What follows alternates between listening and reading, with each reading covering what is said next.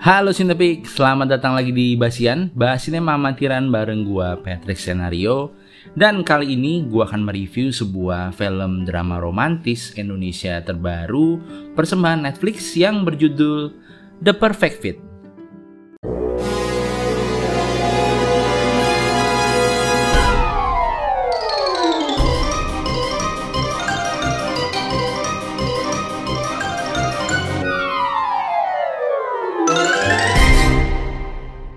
Film The Perfect Fit ini disutradarai oleh seorang sutradara muda bernama Hadrah Dayang Ratu. Konon katanya dia ini adalah salah satu sutradara muda yang berbakat. Salah satu film terakhirnya yang pernah gue denger itu adalah Aku Tahu Kapan Kamu Mati. Nah dari kumpulan film-filmnya dia sih sebenarnya gue sedikit ragu gitu ya. Tapi ketika gue tahu gitu uh, kalau film ini ceritanya ditulis secara tandem oleh Hadrah Dayang Ratu bersama dengan Mas Garin Nugroho, ya optimisme gue tuh sedikit terangkat lah. Nah, film ini tuh dibintangi oleh Nadia Arina yang juga berperan di sebuah sinetron fenomenal saat ini Ikatan Cinta.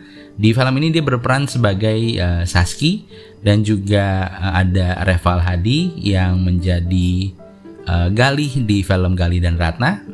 di sini dia menjadi berperan sebagai Rio.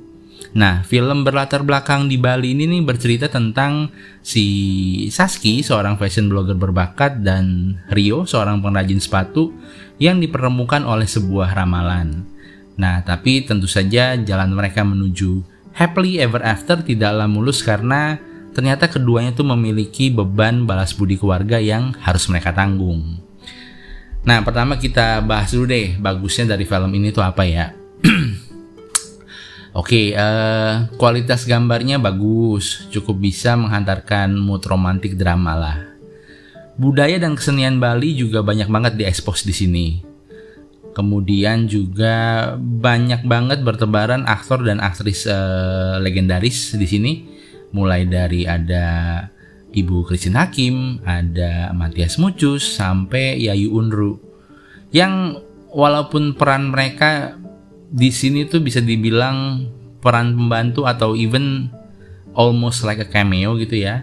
Tapi karena jam terbang walaupun pos, uh, porsi mereka minim ya tetap aja sih terasa banget ketika mereka hadir di uh, depan layar tuh kualitasnya tuh berasa banget lah.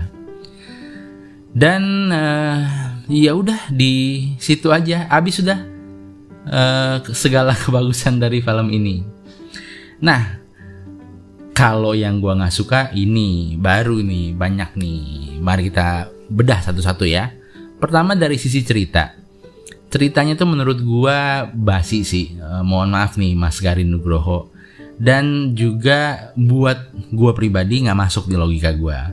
Pacing dan dan juga editing uh, makin memperparah jalinan cerita yang udah rusak malah jadi absurd gitu ya karakter-karakter dalam film ini tuh semuanya setipis. Kulit lumpia lah gitu kira-kira ya karakternya. Nggak ada depthnya sama sekali. Kalau jahat jahat nggak keturunan kalau baik baiknya kebangetan gitu.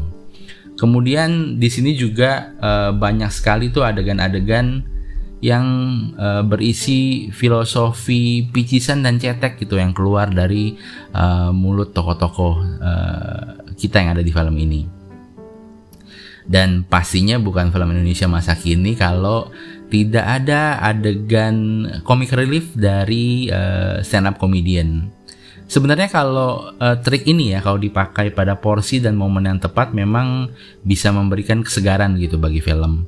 Tapi sayangnya di film ini tuh nggak begitu gitu. Kemudian juga um, menurut gue sih nggak ada ya dilema yang dirasakan oleh tokoh utama ketika mereka harus berurusan dengan cinta segitiga atau bahkan segi empat sebenarnya kalau di film ini gitu. Karena menurut gue itu salah satu uh, resep sebuah drama romantis yang bagus gitu. Harus ada sebuah dilema gitulah ya nggak bisa itu benar-benar clear cut itu siapa sih yang seharusnya dipilih sama uh, tokoh utama kita gitu karena kalau begitu ya ya hilang gitu sebenarnya misteri ataupun um, antusiasme kita untuk mengikuti jalannya cerita karena ya udah jelas banget gitu uh, ending yang akan terjadi itu seperti apa. Dan di sini pun uh, sayangnya kayak begitu karena jelas banget pilihannya uh, walaupun mereka berusaha ngasih dilema berupa tadi yang seperti gue bahas di depan kayak ada unsur balas budi keluarga tapi itu nggak cukup signifikan untuk mendukung uh, jalannya cerita menjadi believable gitu.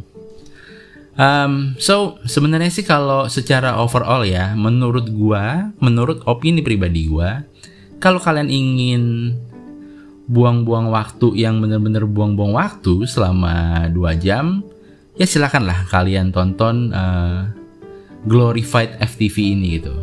Kalau gua pribadi sih, ya mending gua nonton video viral bengong selama 2 jam di YouTube daripada nonton film ini lagi buat uh, verdict uh, nilainya The Perfect Fit ini akan gua kasih sinar skor ya 2 dari 10 lah. So uh, segitu dulu aja buat basian kita di episode kali ini. Uh, terima kasih uh, buat kalian yang sudah mendengarkan sampai akhir. Akhir kata gua pamit dulu. Selalu usahakan menonton film secara legal dan salam sinepik.